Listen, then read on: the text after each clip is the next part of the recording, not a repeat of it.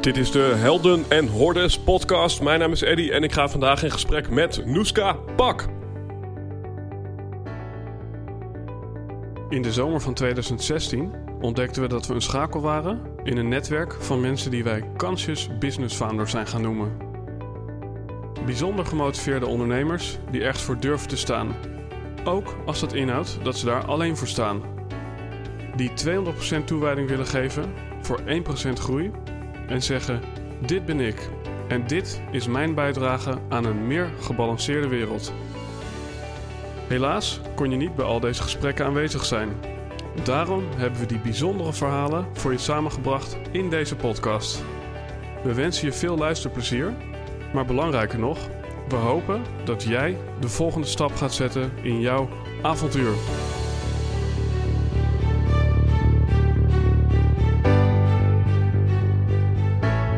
Yes, lieve luisteraar, leuk dat je weer luistert. En als je al wat langer luistert, dan zou het zomaar kunnen dat je de aflevering Een rustig brein is een creatief brein met Paul Smit voorbij hebt zien komen. En toen de Haarlemse Bibliotheek mij benaderde met de vraag: Eddy, wil jij een masterclass en podcast ineen organiseren met als thema creativiteit? Toen was het voor mij een simpel 1, 2, 3 om Paul wederom te benaderen.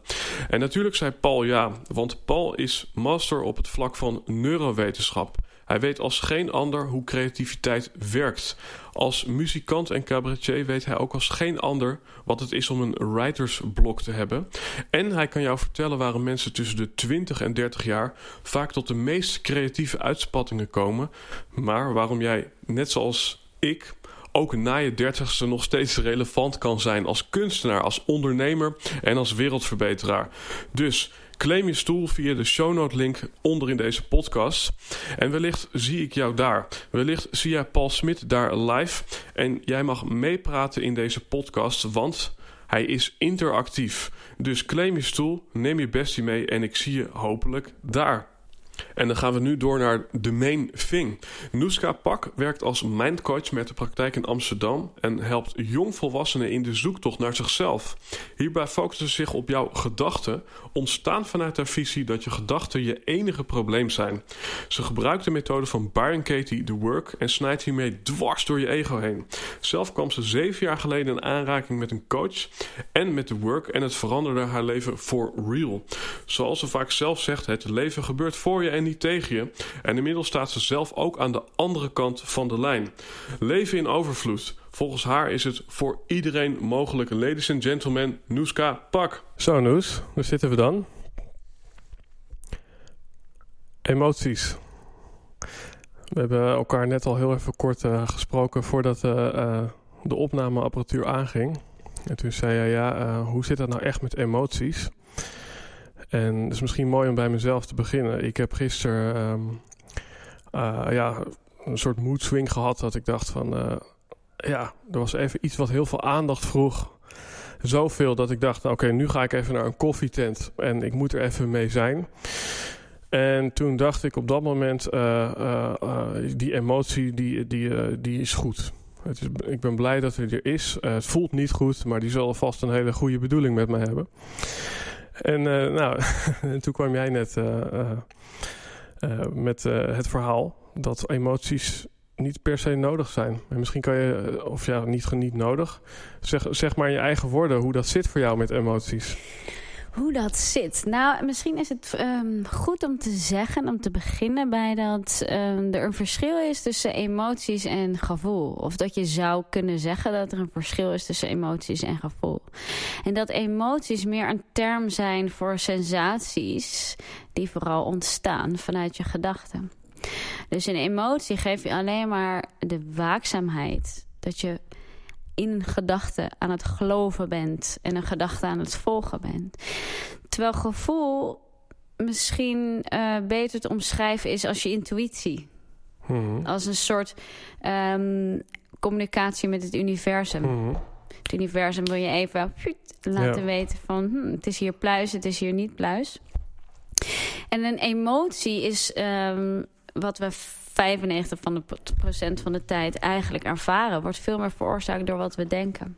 Mm-hmm. En dan is er ook nog een verschil, denk ik, inmiddels zelf te weten of te ervaren... Um, dat je ook een emotie kan ervaren zonder dat je heel veel lijdt.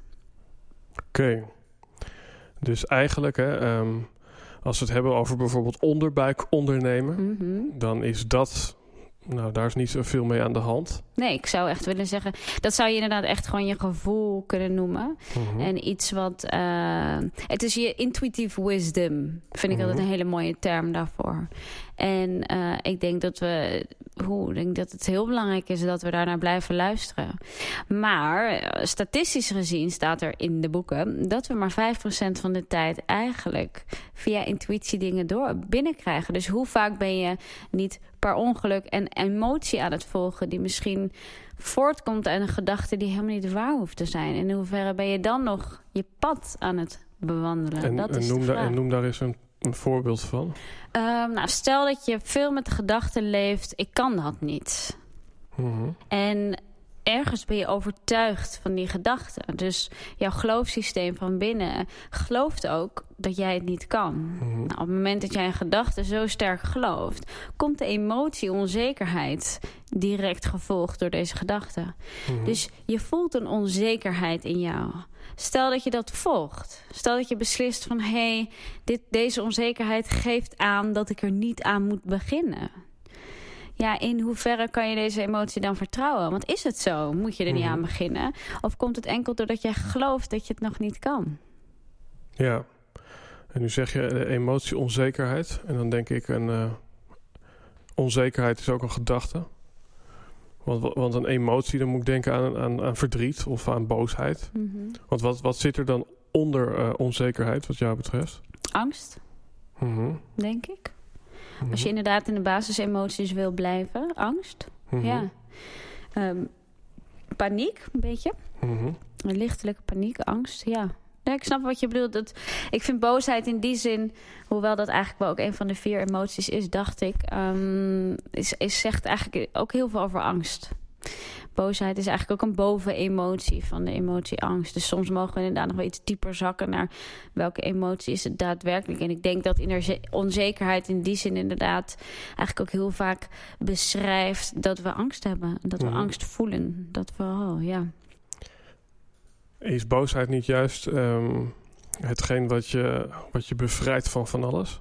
Is dat niet juist een, een, Ik heb wel eens horen zeggen dat in het Westen boosheid misschien juist ja, een beetje bestempeld wordt als dat mag er niet zijn. Terwijl als we allemaal nou wat vaker boos waren, dan zou het allemaal niet zo ver hoeven komen met eh, opgekropte eh, eh, emoties Ja. en problemen. Nou, ik denk dat er een verschil zit in ehm, eh, dat we wat vaker het conflict mogen aangaan. Dat zeker. Dat we Mhm. heel veel in, eh, in, in, in, in afwachting zijn. Ontzettend angst voelen voor afwijzing. En dat dat maakt dat we ook niet in het conflict stappen. En dus eigenlijk niet opkomen voor wat we willen of zeggen wat we van iets vinden. Mhm. En in die zin denk ik, je gaat conflict maar aan. En er mag een conflict ontstaan. Mensen Mhm. mogen boos worden, het is oké. Maar uiteindelijk is, zie ik boosheid toch wel als een manifestatie naar buiten... van een angst die van binnen zit. Mhm. Dus mag je boos worden? Ja, als je op dat moment prettig voelt om op die manier te manifesteren, zeker. Zeker. En, maar ik denk dat we, als je kijkt naar over de algemeenheid in Nederland, zou ik veel meer willen zeggen: laten we het conflict eens aangaan. Of laten we het risico op conflict gewoon eens nemen. Mhm. En nu, eh, nu gebruik je vaak het woord we. Ja, En Ja, ehm, ik geloof ook dat, eh, dat we daarin een volgende stap kunnen zetten. Maar eh, hoe is het met je? Hoe, welke, welke van deze onderwerpen ja, eh, ja, zijn jou onlangs zelf nog aangegaan? Hè? Want ik kan me voorstellen dat zo'n interesse ontstaat vanuit een persoonlijke eh, noodzaak of eh, vanuit een bepaalde worsteling. Is het voor jou uit, noodzaak geboren, deze kennis en deze movement die je maakt? Zeker, zeker, zeker. En ik denk dat inderdaad eh, dat voor velen zal gelden die hier induiken. Maar ik, heb, ik heb zelf een, een- absoluut een, ehm, een, een hele hoop meegemaakt waarin ik eh, kan zeggen dat ik inderdaad een zoektocht heb afgelegd naar wie ik ben. Mhm. En dat begon op mijn zeventiende met wel een, een ontzettende onzekere tijd en een heel laag zelfbeeld en het niet begrijpen van. Uh, ik was een enorme denker, dus ik wilde ook constant met mijn moeder over zaken praten die, uh, waarvan zij wel eens had van waar ben je mee bezig en uh, laat ze rusten.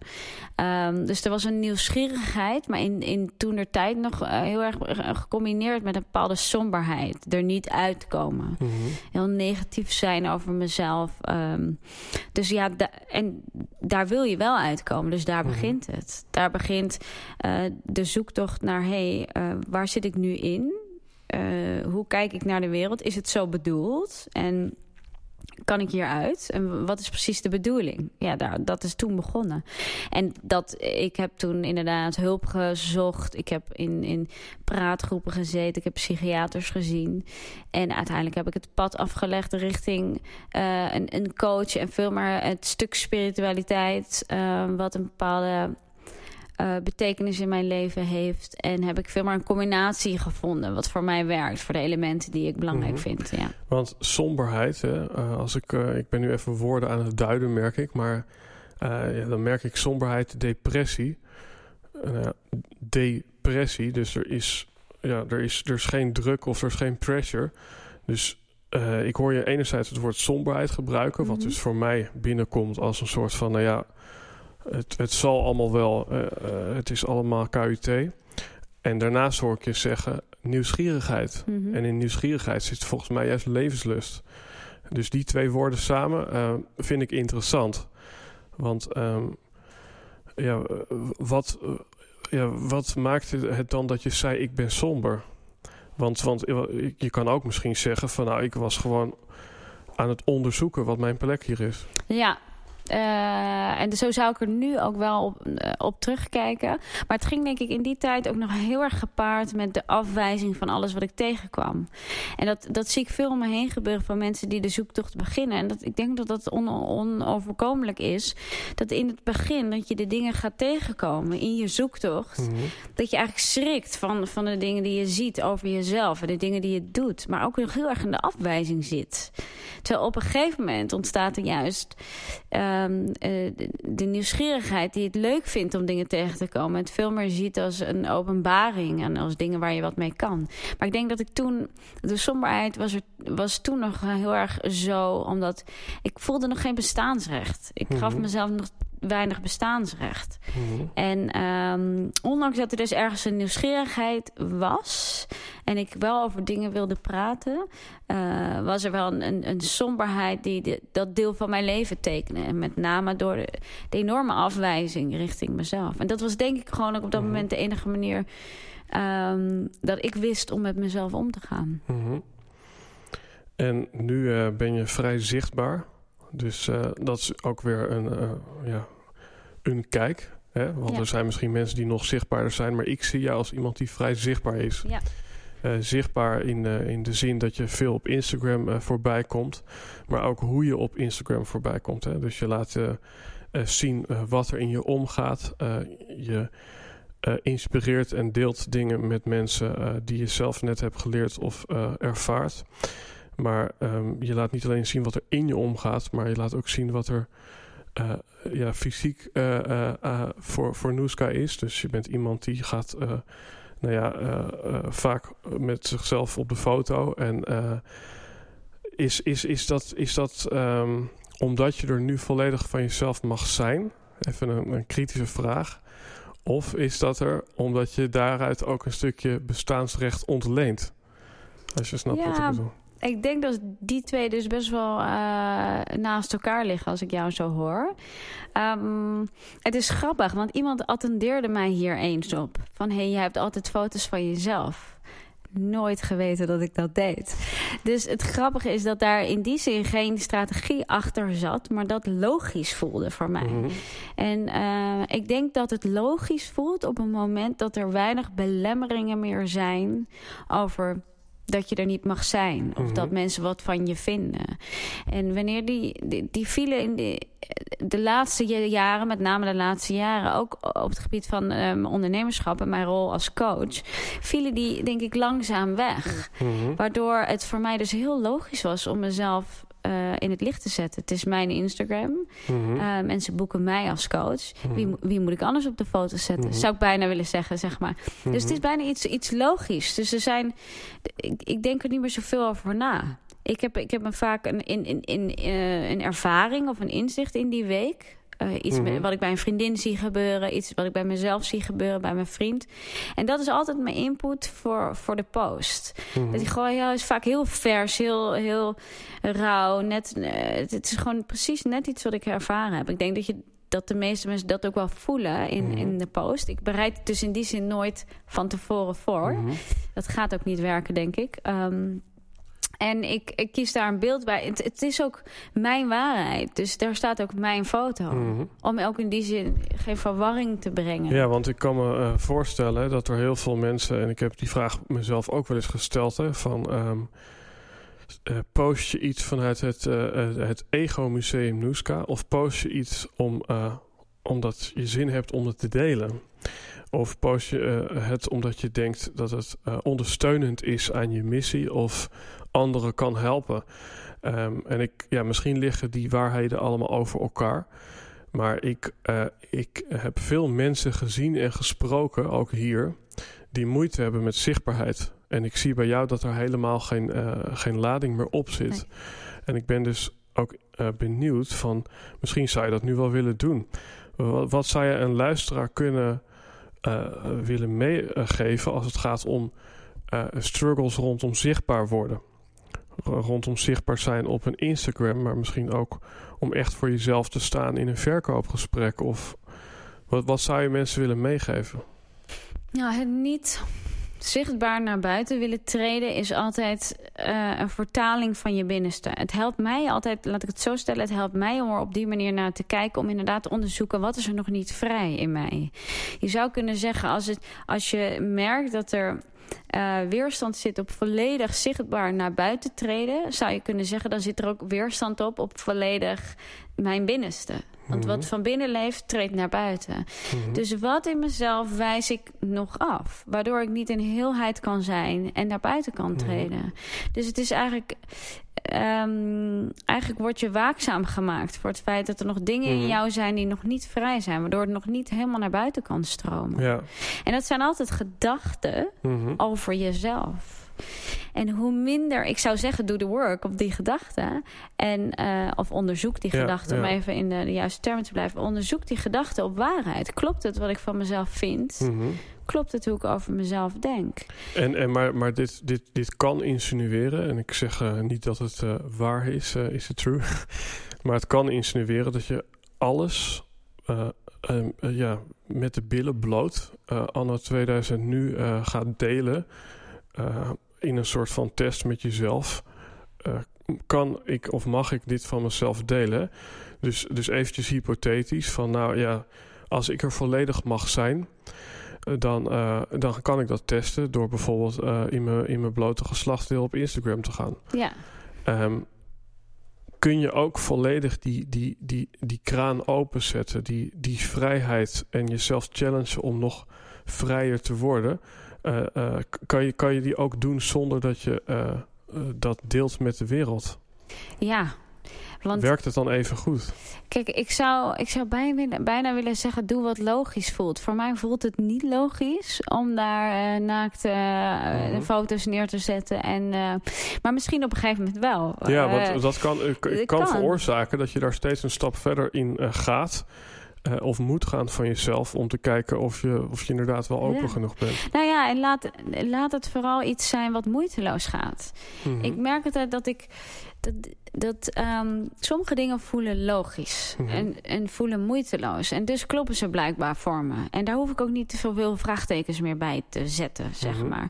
Maar merk je dat er dus heel, dat, dat er dingen struggelig voelen, dan zou ik bijna willen zeggen: voordat je het doet, ga eerst nog eens kijken wat er niet vrij is. Want misschien is het ook nog niet de bedoeling dat je ja, het doet. precies. En heel veel mensen komen bij mij natuurlijk eh, van: ik weet nog niet wat ik wil. Mhm. En ik wil graag weten wat ik wil. Ja, En terwijl er nog heel veel struggles zijn. En als er nog heel veel struggles zijn, zou ik zeggen: het is nog niet de bedoeling dat je als ondernemer aan de slag gaat. ja, dus als het water eh, te veel eh, eh, kabbelt, dan kan je niet zien wat op de bodem ligt. Exact. Ja. Exactly. Dus het, het- en neem dan ook de tijd voor het onderzoek. Ja. En uh, als je het onderzoek induikt, waar we vast zo wat inhoudelijk nog wel wat over uh, gaan Mhm. vertellen, um, dan kan je veel meer zien wat er, uh, wat er nog ligt. En je hoeft er in principe ook niets Mhm. mee te doen. Maar het gaat vooral om die acceptatie. En je zit hier bij de Helden en Hordes podcast. En um, nou ja, dan zeg je eigenlijk van, ja, durf ik dit te delen? Of is er nog iets wat ik van mezelf afwijs? Of waar ben ik misschien bang van de afwijzing van een ander? Want dat is het woord hordes in, in deze zin. Uh, is de massa die er misschien wat van vindt en jij erop gaat bekritiseren. Ja. Uh, want, uh, nou ja, dan ken ik mensen die in de media werken. En die zeggen van, nou ja, als je wat groter wordt... dus je wordt een BN'er of whatsoever... Uh, dan kan uh, het bijvoorbeeld zo zijn uh, dat jij iets kwetsbaars over jezelf deelt. En mocht je dan ooit nog een keer van plan zijn om een boek te schrijven... Waar, waarin je misschien het omgekeerde uh, preacht... van wat je daar ooit in het verleden op social media hebt gedeeld... dan kan dat zo lang tegen je gebruikt worden... eh, daar kom je misschien wel nooit meer bovenuit. Ja. En dan is misschien... ja, dat is misschien niet een direct voorbeeld in deze zinnen... maar op het moment dat je verkeerd in de media bent... en dat is bijvoorbeeld uh, Kevin Spacey, House of Cards... Ja. met Me Too... Ja. dan is het heel erg lastig om daar vanaf te komen. Uh, en dat is misschien vanuit angst, wat ik nu zeg. Ja. Maar um, ja, want hoe, voor die hoe angst... verhoud jij... Want dat is eigenlijk mijn vraag. Hè, van, hoe verhoud jij je dan uh, tot de massa... die misschien op een gegeven moment heel kritisch wordt?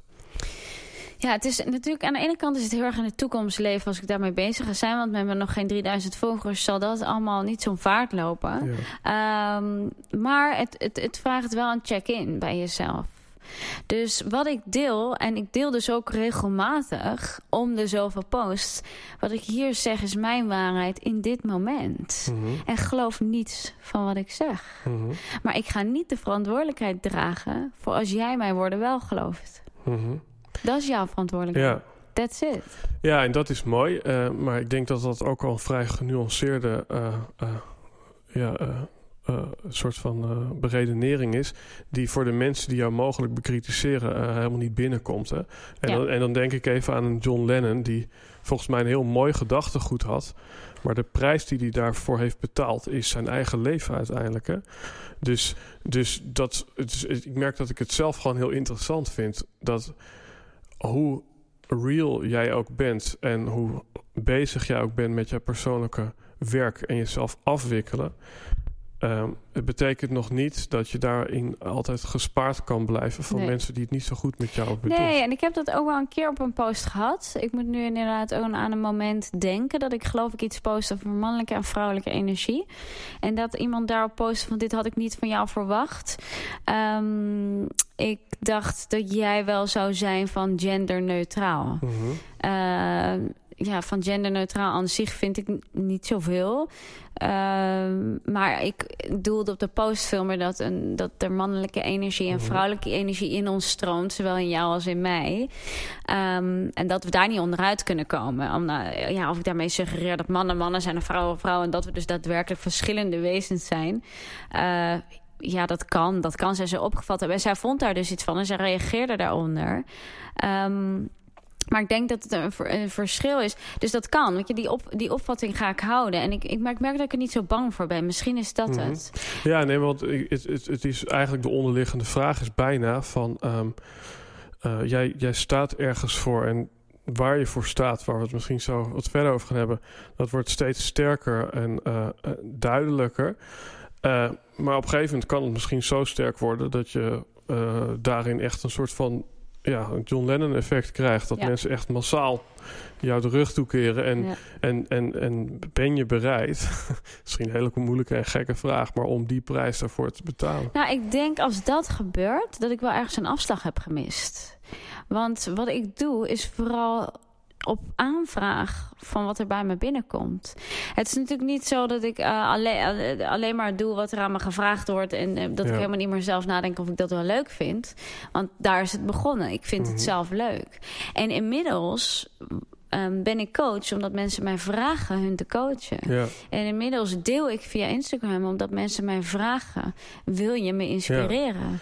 En ik denk als, als, je, als mijn doel wordt dat ik alleen maar mijn eigen dingen wil Mhm. delen, dan verlies ik dat ik Mhm. eigenlijk op aanvraag bezig ben. Ja. En ik denk als ik daarmee ingetuned blijf, dat ik niet Mhm. hoef te eindigen als John Lennon. Dat is een beetje mijn Ja, eh, nee, ja, nee ik, gevoel. ik vind het interessant, hè, want eh, niemand minder dan bijvoorbeeld Jezus, die vo- was volgens mij ook in tune met iets wat via hem tot uiting wou komen. En die hing op een gegeven moment wel aan het kruis. Ja, ja, het kan gek gaan. Ja, nou ja, goed, het is misschien een, een gekke afslag zo eh, met deze kerstboom op de achtergrond. eh, om, het, ja, om het te hebben over van ja, welke prijs betaal je voor, voor dat Ja. wat je eh, wil brengen of wat er via jou tot uiting komt. Ik denk dat dat al een mooie nuance Ja. is ook voor, voor mensen die hier naar luisteren. Dat, ja, dat er dus iets via jou tot uiting kan komen en dat het dus iets anders is dan wat misschien jouw ego wil doen of, of wil laten zien. 100%, ja. En dan is het misschien mooi om eh, wat dieper te gaan en te kijken naar inderdaad The Work. Eh, een methode van Byron Katie, waar jij een, eh, ja, ik kan wel zeggen, een, eh, een grote commitment op eh, Ja. aangegaan bent.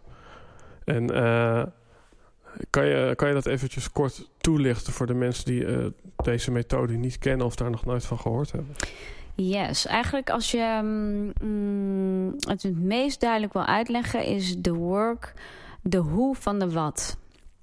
En we zijn natuurlijk in, ontzettend in, een, in een wereld beland waarin informatie heel makkelijk te vergaren is. Waarin we op Instagram mensen kunnen volgen. We kunnen ons laten inspireren door iedereen en alles. En ik denk dat het ook vaak niet schort aan de kennis die we hebben. Eh, de meeste mensen weten het wel. Maar en dan? En dan? En dan? Dat is ook de vraag die ze stellen aan mij als ze tegenover me zitten, als ik ze coach. Van, ik weet het allemaal wel en ik begrijp een hele hoop en ik lees dingen. Maar hoe dan? Mhm. En waarom ik een commitment heb op de work, is omdat het de hoe brengt aan mensen.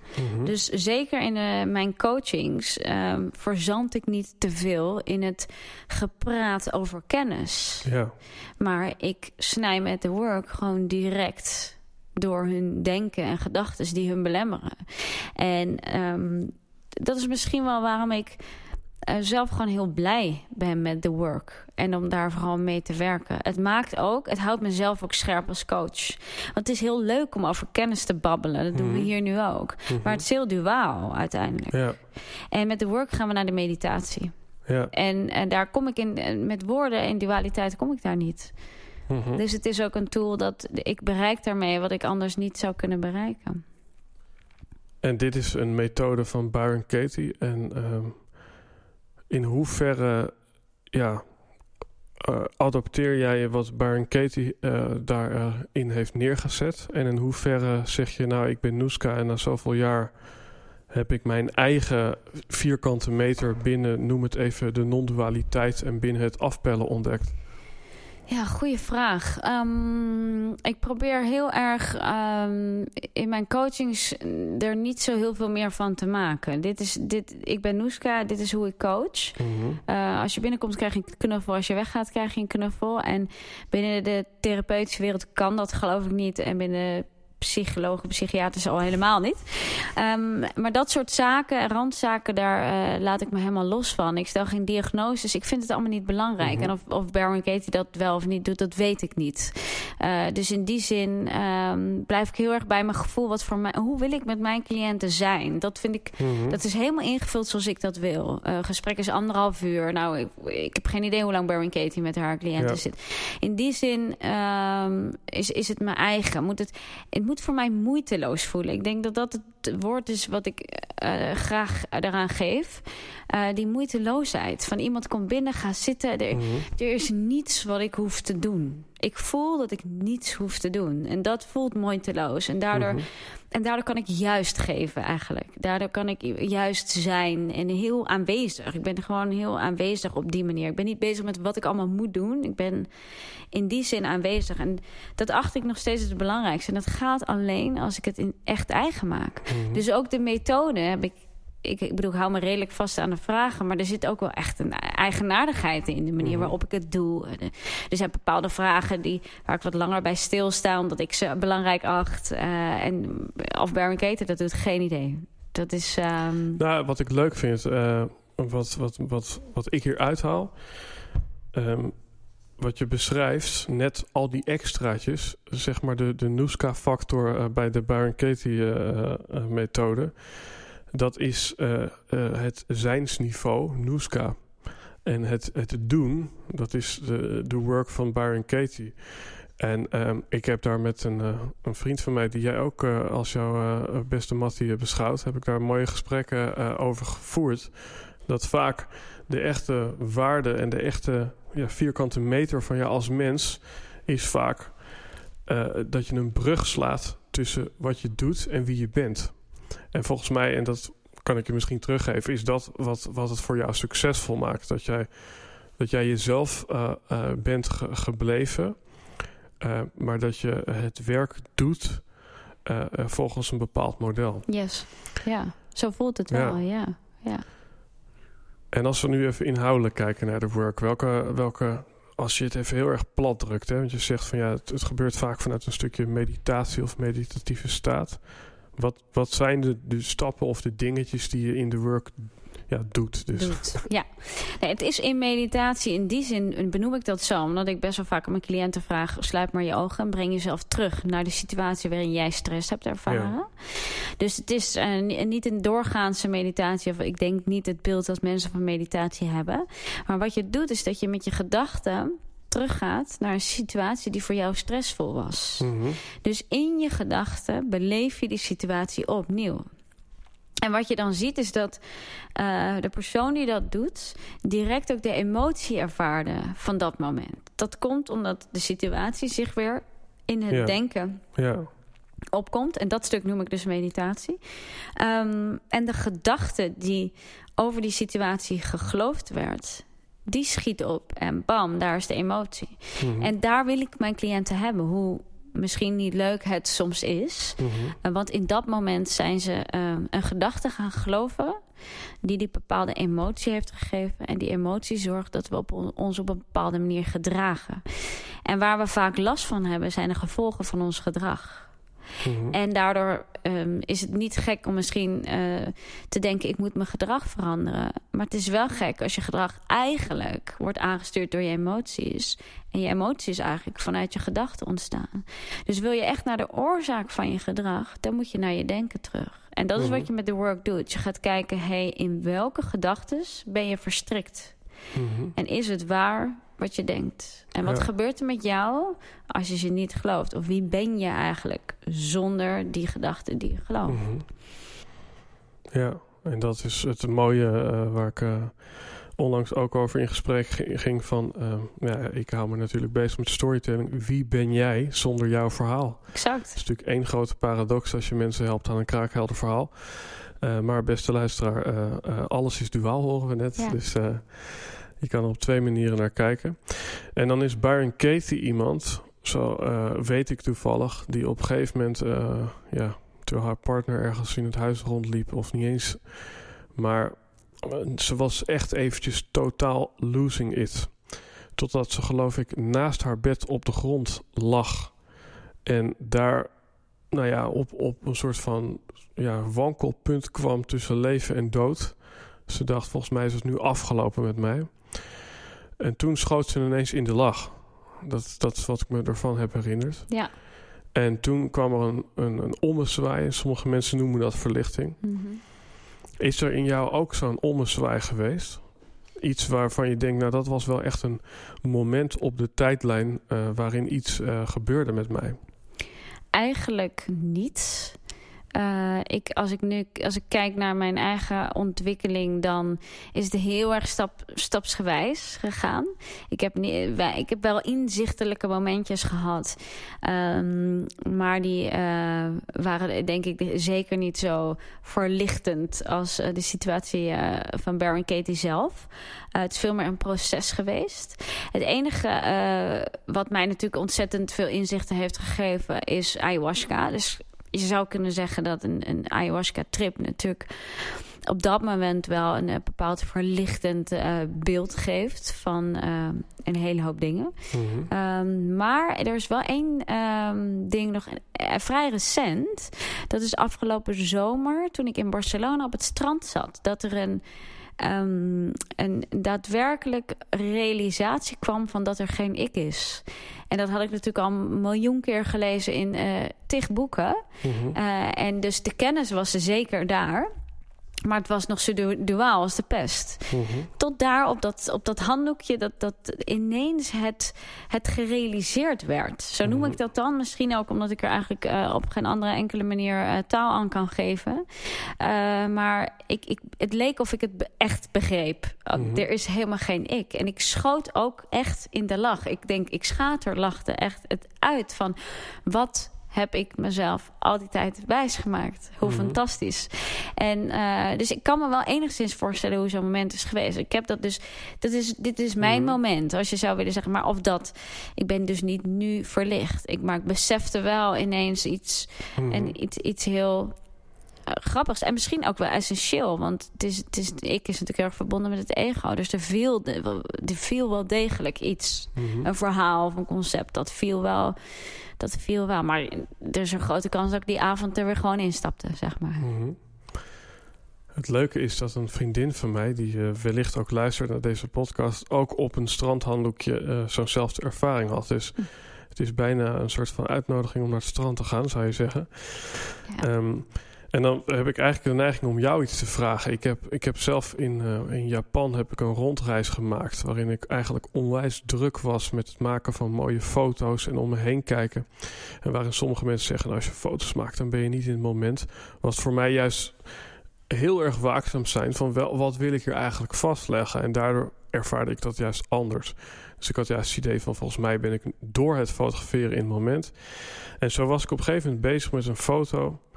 En eh, die ging ik bewerken en online zetten. En toen dacht ik, wacht eens even. Eh, oh ja, zometeen dan ga ik weer naar Nederland. Ja, en dan ben ik fotograaf. Oh, wacht. eh, oh nee, ik ben helemaal geen fotograaf. En toen zei ik tegen mijn vriendin... ik ben helemaal geen fotograaf. Volgens mij ben ik, ben ik marketeer. En toen zei mijn vriendin... Je bent toch geen marketeer? Volgens mij was je business coach. En was je storyteller. En eventjes was ik volledig kwijt. In ieder geval, eh, als het gaat om carrière... eh, wat mijn eh, zakelijke identiteit was... En in dat inzicht kwam ik tot de realisatie: oké, maar dan als, als, als het dus eigenlijk los ligt, dan kan ik dus eigenlijk nu gewoon kiezen wie ik ben en wat ik doe. En, en daar ontstond bij mij ook, nou geen schaterlach, maar wel een stukje, stukje soort opluchting van, hè, hè, het, het, het, het ligt niet vast. Nee, je bent verlost. En voor mij, ja, voor mij kwam dat dus eventjes door, door afstand te nemen naar.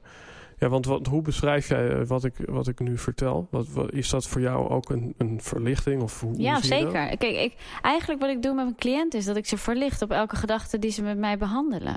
Dus ze, verlichting hoeft niet het almighty te zijn. Dat is, het is juist heel mooi om te zien dat verlichting in he- hele kleine dingen zit. Mhm. En dus bijvoorbeeld het behandelen van één gedachte. Dan ben je verlicht op die gedachte in die situatie. En in dit geval met jou ben je eigenlijk verlicht van het beeld of het, of het idee wat jij had dat je moest zijn. Mhm, En je mocht gewoon weer kijken naar wie ben ik eigenlijk. In plaats van mhm. dat je leeft in je hoofd vanuit het beeld wie moet ik zijn. En als dat valt, dan... Oh, dat Nou ja, is ik, merk dat het me nu weer raakt, nu je dat zo aan me teruggeeft. Ik denk, ja, fuck, weet je, dat is voor mij een belangrijk moment geweest. Ja. En dan noemen we het verlichting. En dan kan ik mij ook voorstellen dat je na een ayahuasca-trip of na zo'n gebeurtenis, dat het leven juist zwaar wordt. Want als jij altijd maar hebt ingezet eh, eh, met het inpakken van pakjes, omdat je zo in Sinterklaas gelooft, of sorry, het uitpakken van pakjes en je schoen zetten. En dan in één keer hoor je dat Sinterklaas niet bestaat. En dan in één keer is je purpose weg. Dan weet je niet meer wat je hier komt doen, want, want jouw waarheid is je ontnomen. Is, is het daarin ook wel eens zwaar om verlicht te zijn in, noem het maar even, een maatschappij van mensen die niet allemaal verlicht zijn? Ja, ik denk het wel. Ehm, ik denk dat het ehm, best eh, moed vergt om eh, niets te zijn.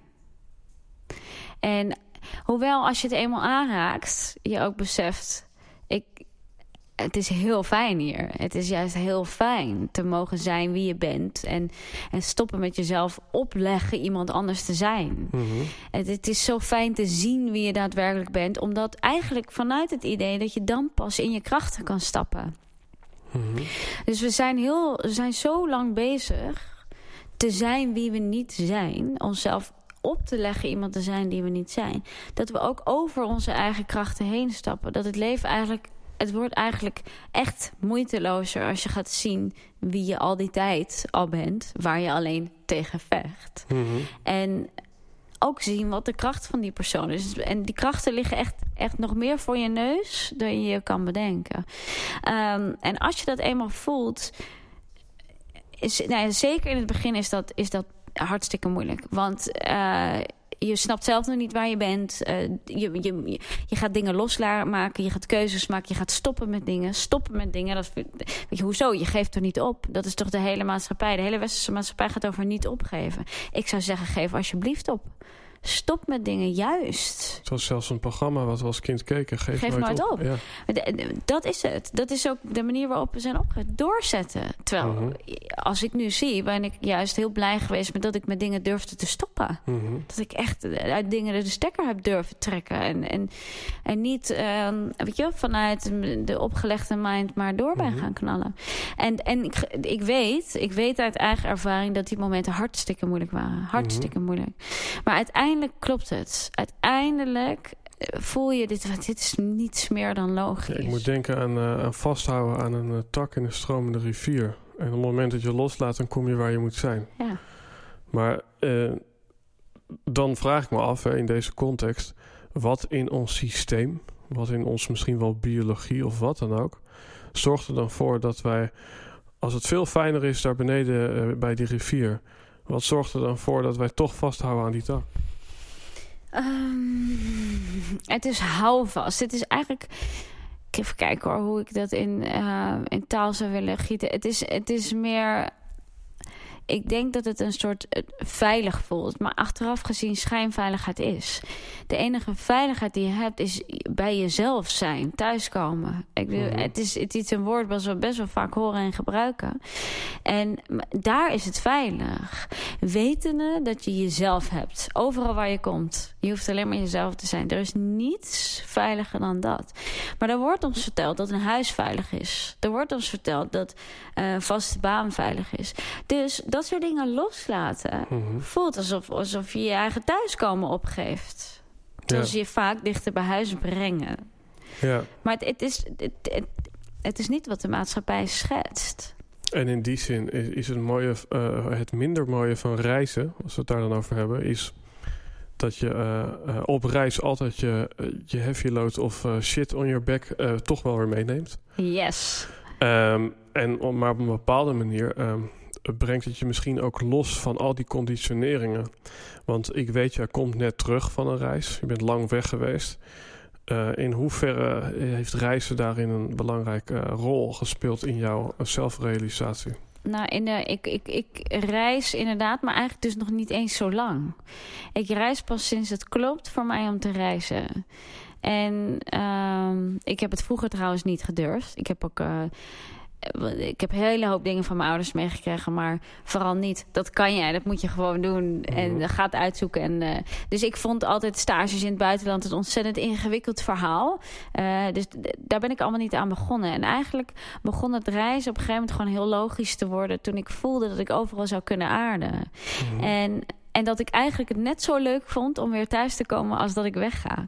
En mensen vroegen ook aan mij van ben je weer ben je geacclimatiseerd? En uh, ik was in een dag in een dag was ik weer thuis. Omdat het weggaan en het terugkomen was beide even fijn. En dat, uh, dat, dat, daaraan kan ik merken dat op dat moment kan reizen mij verrijken. Mhm. Misschien zou ik het, moet ik het zo zeggen. Op dat moment kan reizen mij verrijken.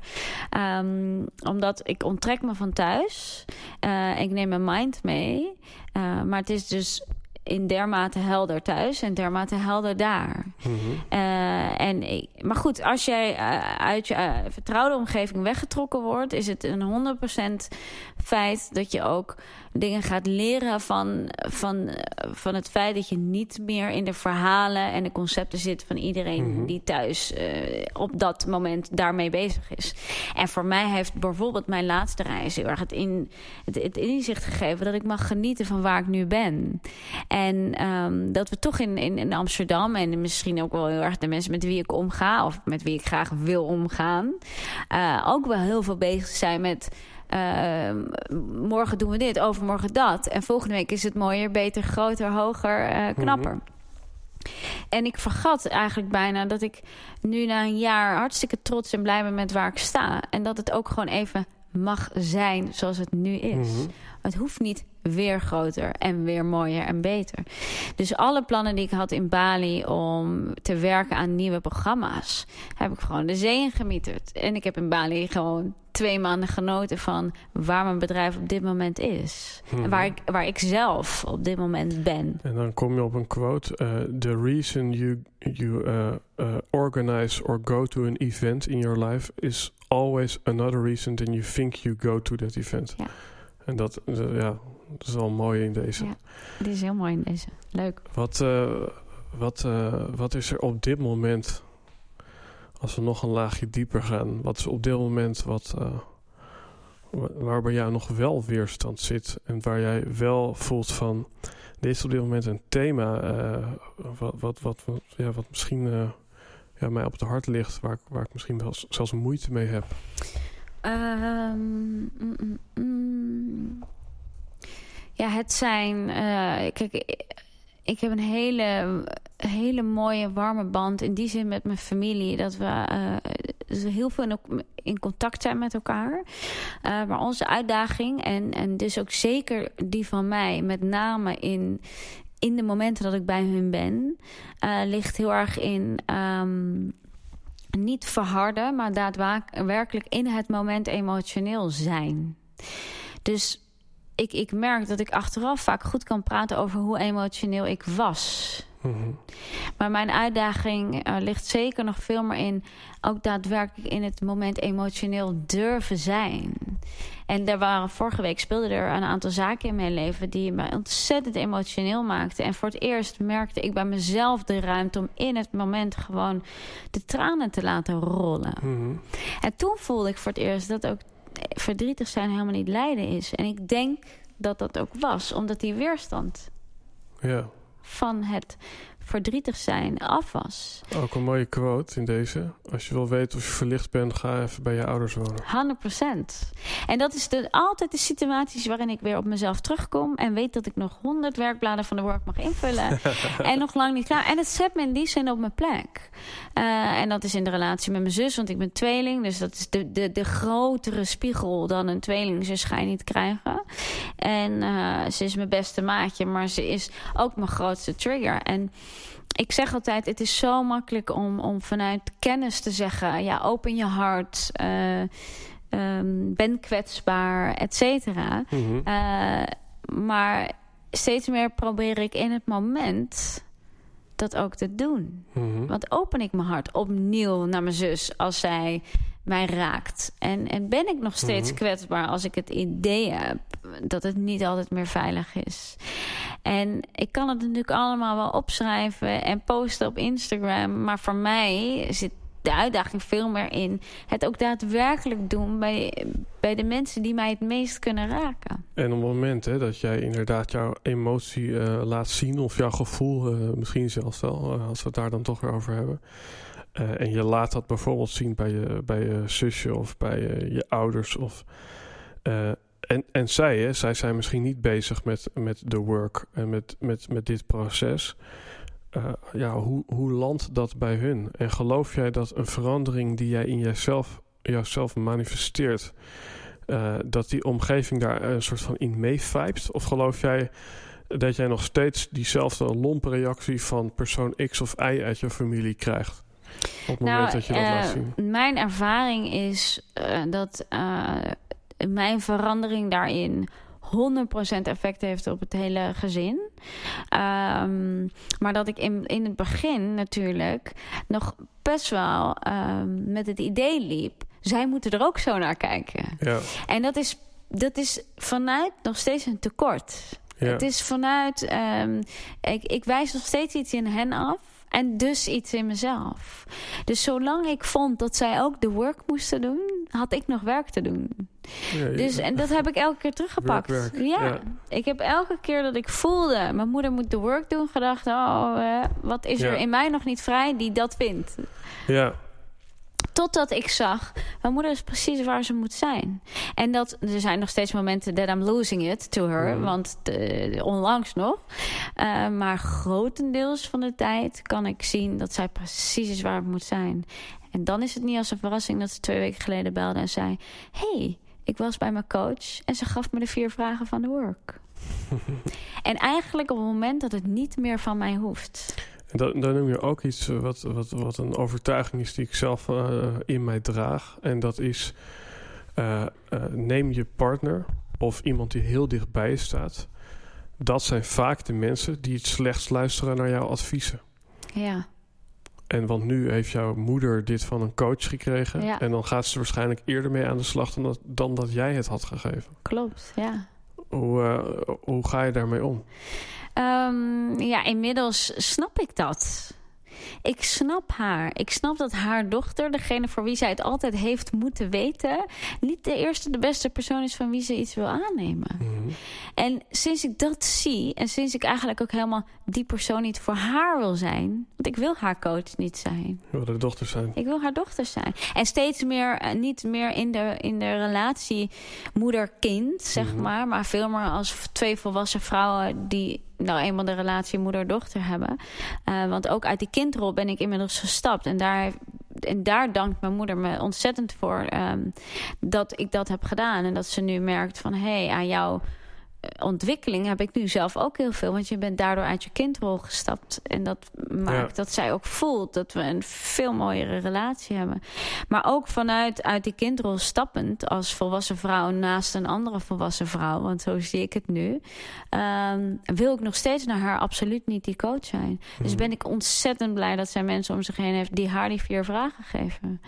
Ja. Maar dat is hoe ik er inmiddels nu naar kan kijken. En dat was zeker in het begin uh, dat ik dingen ontdekte. Je wil niets liever dat we dan ventileren op je hele familie. Dus mocht je daar zelf nu nog zijn... het is heel begrijpelijk. Heb begrip voor jezelf, ook zeker op dat moment. Ja. Het is uh, iets wat in me opkomt, dus ik uh, deel het maar. Het is bijna een marketing slogan dat het meisje wat zich bezighoudt met non-dualiteit bijna de soort van incarnatie is van dualiteit, omdat je een tweelingzusje hebt. Ja. Weet je wel? Ja. Dus het is gewoon heel grappig dat je eigenlijk constant dat spiegelen en dat stuiteren en dat clashen ervaart. En dan eigenlijk juist staat voor die eenheid. Ja, nou, ik, ik merk aan mezelf, mm, wat, wat heeft me nou uiteindelijk toch wel een hoop rust en ruimte gegeven. Ondanks dat uh, uh, vorige week voor mijn gevoel mijn leven ook weer even een wervelwind was. Merk ik merk ik in het fundament zit wat meer rust. En dat zit hem zeker in, in de acceptatie. Ja, ik ging twee weken geleden nog uit mijn dak. Waar mijn zus bij was, mijn vader, mijn twee broertjes, mijn moeder. En, en, en er werd zelfs gezegd: Dit is niets voor jou. Uh, en ik, ik, wat ik doe, is dat ik de volgende dag zeker terugkijk naar wat gebeurde er nou door wat werd ik nou geraakt? Waar verlies ik nou mezelf? En, uh, maar ik merk dat ik die avond naar huis rij... niet meer met het idee, dit had niet mogen gebeuren. Maar mhm. met, dit gebeurde. Punt. En daarin zit voor mij het verschil tussen de situaties die nu gebeuren... en het lijden en de situaties die nu gebeuren. Punt. Mm En ik denk, dat benoem ik ook wel in een andere podcast... Uh, die gaat over meditatie, maar ik heb van, uh, van Headspace geleerd, een meditatie-app, van ja, wat, wat, wat brengt dat mij nou in essentie? Het brengt uh, vooral dat je korter in die wikkel blijft zitten. Dus het zorgt er niet voor dat je iets niet meer voelt of niet meer verdrietig bent. Maar de duur waarin je erin blijft hangen, wordt korter, waardoor het minder schade aanricht. Ja. Een beetje zoals een kind die in het moment meteen zijn emotie uit. Ja, exact. Ja, zo ja. zou ik het ook willen zeggen. Ik, het is dus niet dat ik nooit meer emotioneel ben, niet meer boos ben, wel eens aan mijn plaat ga, hartstikke onterecht mhm. ben. Het, I'm still on that level, zeg maar. Uh, hoewel zeker een aantal dingen afnemen. Maar het, het is inderdaad van korte duur. En Ja. ik, het, het is vooral ook, het, ik beleef het niet nog honderd keer in mijn gedachten eh, opnieuw vanuit Mhm. een bepaalde verkramping en, en, en controle willen hebben. Maar ik kan gewoon zien, het is gebeurd. En daarmee staat het je succes, je geluk of je leven niet meer in de weg. Exact. Want ik kan me voorstellen als iets heel lang en diep geworteld raakt, dan, eh, dan gaat het een leven op zichzelf leiden. En dat resulteert erin dat je misschien dysfunctioneel bent. Ja, nee, de enige, het enige waar ik mensen mee help als, als coach is. eh, eh, niet, het, het is misschien niet eens hun pad creëren. Het is letterlijk hun pad gaan zien. Wat er al die tijd al ligt. Mhm. Het pad ligt er al. Alleen eh, je zou kunnen zeggen dat het, ehm, het pad ligt vol met takken en boomstruiken en stronken. En dat zijn allemaal belemmeringen en gedachten. En die gaan we gewoon schoonvegen. We gaan je pad schoonvegen, zodat je het ook gaat zien. Dus ook, ook dat is bijna in het Westen wordt ons geleerd om van alles te leren. Maar eigenlijk eh, zouden we er beter aan doen als we veel gingen afleren met z'n Ja. allen. Maar dit is waar we het net over hadden, heel even kort voordat we begonnen. Weet je, eh, er wordt, er wordt ervan uitgegaan dat we, dat we leeg geboren worden. En dat we van alles aangeleerd moeten krijgen. Dus de heelheid. We worden al geboren vanuit het idee dat we niet heel zijn. We zijn een baby, we kunnen niets. En we moeten alles in deze wereld leren. En, en dan vragen we ons af waarom ons leven niet werkt. Hè? Mhm. Dan vragen we ons af waarom we zo'n graag erkenning willen en waarom we ons niet heel voelen. Ja, omdat we helemaal niet de heelheid van het mens wat geboren is zien.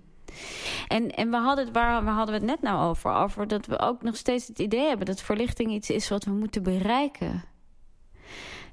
Geloof mij, iedereen is het al. Mhm. Maar kan je het zien? Mhm. Je hoeft alleen maar weg te halen wat je nu nog belemmert van verlicht zijn. En dat is dus nou ja, en, de- dat, en, en, en het zien vind ik daarin een mooie. En eh, eh, Alex, die hier ook in de podcast eh, was, die vertelt wel eens dat mooie verhaal van dat er mensen zijn in een huis terwijl er een over- overstroming is. En die mensen die bidden tot God en hopen dat er hulp komt. En op een gegeven moment komt er een bootje aanvaren. Ja, zal, ik, zal ik je oppikken? Want eh ja, zometeen dan eh, overstroomt de hele eh, boel en dan ben je, ben je de lul. Nee, nee, ik, ik wacht op een teken van God voor hulp. Dus nee, dank je, ik stap niet in. Mhm. En dat is weer wat mij betreft een mooi voorbeeld van... eh, kan je het zien? Want Ja. wie was degene in die boot? Dat was natuurlijk God. God, exact. Kan je het zien. En ehm, ik, dat is ook misschien wel eh, een leuk bruggetje. Ehm, de reden waarom ik niet zo vaak een nieuw boek, boek pak. Ik heb een stuk of tien boeken. En soms drukt iemand mij zeker op het hart dat ik een boek moet lezen. En dat vind ik superleuk. En daar sta ik hartstikke voor open natuurlijk. Maar ik heb nog zoveel aan deze tien boeken. Want van die tien boeken heb ik al zo'n hoop nog niet gezien. Mhm. Wel gelezen, niet gezien. Dus dan begin ik gewoon weer opnieuw. Nou ja, er zijn natuurlijk eh, mensen, eh, vooral van de vorige generaties... die maar één boek hadden en dat was de Bijbel. Ja, En ehm, ik heb inderdaad ook wel eens geleerd van... ehm, eh, je haalt alles uit een boek wat je al wist. En alles wat je nog niet weet, dat haal je er ook niet uit. nee. mooi hè. Ja. En dan denk je, ja, waarom lees je het dan? Nou, ik denk vooral om te zeggen, zie je wel. Zie je en dat is een stukje overtuiging en daadkracht wat je nodig hebt. Ja, nou soms ook omdat ze het in boek, in, in boek is in taal gegoten. En eh, nou ja, zoals Alex, onze eh, incoming friend, ook vaak zegt, weet je wel. De taal is je realiteit. Hmm. Dus als het boek het voor jou in taal giet, iets wat jij, wat jij misschien nog niet hebt wo- met woorden hebt kunnen zeggen, dan eh, komt er ineens realiteit aan alles wat je eigenlijk al Mhm. wist. Maar ja, als je naar eh, Ed, eh, Edgar Tolle luistert, zegt hij ook: ik, ik zeg jou niets wat jij niet al weet. Ik help je simpelweg herinneren. Mhm. Want je bent het vergeten. En, en her- herinneren is ook mooi als je het uitkleedt, als je toch over woorden hebt, herinneren. Ja. Dus het is met je inner eh, het is, contact het maken. is er al. En inderdaad, jouw innerlijke weet het al. Ja. En ehm, ik, ik help je daaraan herinneren. En dat is misschien wel eens waarom we boeken lezen. Een mooi voorbeeld daarvan vond ik die van Jan Geurts. Bijvoorbeeld Verslaafd aan Liefde. Van je, hoe kan je weten dat het allemaal waar is? Ja, ik zeg, ga het maar lezen. ga het maar lezen. Dus bij alles wat je leest, denk je... Holy shit, dat ben ik. Weet je, er is, je twijfelt niet. Maar het, het is eigenlijk omdat je het al weet. Alles wat je daarin leest, weet je al. Maar je hebt het Mhm. nog nooit in taal kunnen gieten... of woorden aan kunnen geven. Dus ik vraag vaak aan mensen uh, met een zelfbedachte rijmpje: uh, haal je je ervaring uit het leven of uit het lezen? Maar wat jij nu eigenlijk zegt is: uh, je leest wat, wat je leest. Ja. ja. dus je kan ze eigenlijk over elkaar leggen. Ja, je kan ze zeker over elkaar Wat, wat zou je mensen zo richting de afronding alweer van dit mooie, oh. heldere uur, wou ik zeggen, maar dat is weer een ander programma op de radio. Wat, wat, zou je mensen willen meegeven? En dan zeg ik wel eens: er staat een billboard langs de weg waarin allerlei mensen in de file staan en er Ah, staat ja. iets op. En wat, wat Ja. zou je mensen willen meegeven? Mm, mm, mm. Wat zou ik mensen willen meegeven? Blijf je hart openen. Ik denk dat dat hem wel is. Kijk, het- er is, het is zo verleidelijk om in het verleden te duiken. eh, te denken dat je geheeld moet worden. eh, je trauma's te bekijken. En, en ik doe het allemaal hè, in mijn werk. Mhm. Dus eh, er, hier absoluut geen afkeuring. Maar ergens doen we dat nog heel erg vanuit het idee... er is iets mis met mij. Ik ben nog niet goed genoeg. Ik heb nog trauma's die geheeld moeten worden. Dus het is vanuit het idee dat je nog vandaag de dag nog niet goed bent. En ik denk er is niets mis met niemand. Eh, je trauma's heb je. ehm, je ervaringen uit het leven heb je. Eh, het enige wat je vandaag de dag te doen staat, is die muur weer naar beneden laten zakken en dat hart weer openen. Want dat is wat je op dat moment besloten hebt niet meer te doen. Mhm. En het openen van je hart in het nu, dat heelt alle wonden. Amen. Amen. Yes. Ik eh, wil je hier hartelijk voor bedanken. Eh, rest mij nog, eh, eh, je hebt dus een succesvol Instagram-account. En wat misschien leuk is om te benoemen, wat mij ook inspireert aan jou. Jij bent iemand die echt via Instagram een nieuwe klanten kan krijgen. Nou ja, als je ooit stopt met de work, dan kan je misschien ook de Work Instagram Edition gaan doen. Van welk werk moet je verrichten op Instagram om, om daar iets van te maken wat niet jouw tijd rooft, maar wat Ja. jouw tijd geeft. Want, Yes. eh, want tijd is geld en als je er ook nog wat mee verdient. Ehm, ja, misschien is het gewoon leuk van eh, eh, waar wil je mensen op dit moment naartoe sturen? Luisteraars die geïnspireerd zijn geraakt en misschien iets met jou of met de work willen doen. Superleuk natuurlijk als je me op Instagram komt volgen. Noeska.adriana. En vanuit mijn Instagram kan je heel makkelijk naar mijn website. Dat is Noeska Pak. Een beetje verwarrend, maar dat is dus mijn voor- en achternaam. Noeska Adriana is mijn tweede naam.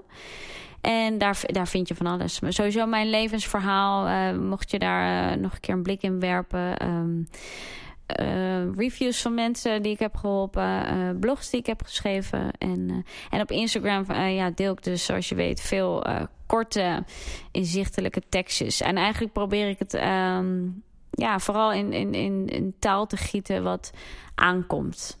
Ja, Ja, en dat is denk ik ook weer een, eh, een, een mooie uiting van je hoeft geen duizend podcasts of duizend boeken te lezen. Want eh, ja, dat is, dat is mooi hè. In de, in de jaren van, ik noem even Brian Tracy, dat is een eh, Amerikaanse ja, persoonlijk ontwikkelgoeroe van eh, de jaren negentig. Die zei eigenlijk, eh, hij die het meest leest, die wint.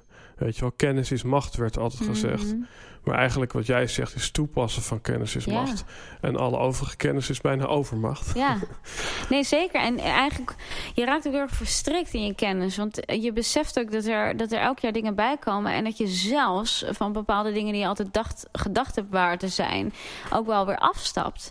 Dus je weet ook dat, dat jouw eigen waarheid, wat, wat natuurlijk gebaseerd is op de kennis die je hebt, ook ontzettend evalueert. En ik zou bijna willen zeggen. ehm, eh, doe in alle facetten van je leven er wat mee. Dus als jij zegt bijvoorbeeld, ehm, een mooi voorbeeld is: ik wil graag met een verhaal aan de slag. Ja, in je onderneming. Maar ga je ook met een verhaal? Met welk verhaal ben je aan de, slag in de relatie tot je vriendin? Tot je vrienden. En welk verhaal eh, zit jij met geld? Dus probeer het ook niet op één ding dan toe te passen. Maar ja, ga inderdaad kijken eh, op hoe het voor je kan werken in je leven. Dat is het misschien. Hoe kan de, je kennis ook voor je werken in jouw Mhm. leven? In die zin toepasbaar maken, ja. Dus korte, eh, inspirerende tekstjes, waardoor eh, je een leven kunt creëren wat in tune is met een open hart, Ja, wou ik bijna zeggen. Hey, nogmaals, dankjewel voor de luisteraar. Uh, deze aflevering staat dus op Spotify. Uh, daar vind je hem misschien, maar zoals je misschien nog niet wist, ook op YouTube. Wauw. Uh, dus daar kan je hem ook terug kijken. verder zal ik linkjes in de show notes plaatsen die Noeska net genoemd heeft. En misschien nog wat extra linkjes. Misschien wel dingen naar Byron Katie of leuke inspiratie. Ja, als je iets wil vragen, dan denk ik dat een direct message op Instagram uh, aan Noeska de beste weg is. Ja, Als je iets ik ben niet over... heel netjes hoor met al die berichten. Oké. Okay. Nou ja, anyhow. Uh, als je uh, zeker wil zijn van een antwoord, dan moet je mij even... Even, even teksten. nee. nee, ik doe altijd mijn best, maar het kan wel eens dagen duren. Ja. Dat is het. Dus als je over, over de podcast uh, iets wilt delen, dan kan dat via de Instagram Helden en Hordes tegenwoordig. Uh, weet je nog toffe gasten, misschien weet jij er ook nog wel eentje, dan um, kan dat via een direct message op Instagram Helden en Hordes. Ik dank je weer voor het luisteren. Ik dank jou heel erg voor je komst en je inspirerende verhaal. Super graag gedaan. Tot zover en tot een volgende podcast. Dankjewel. You.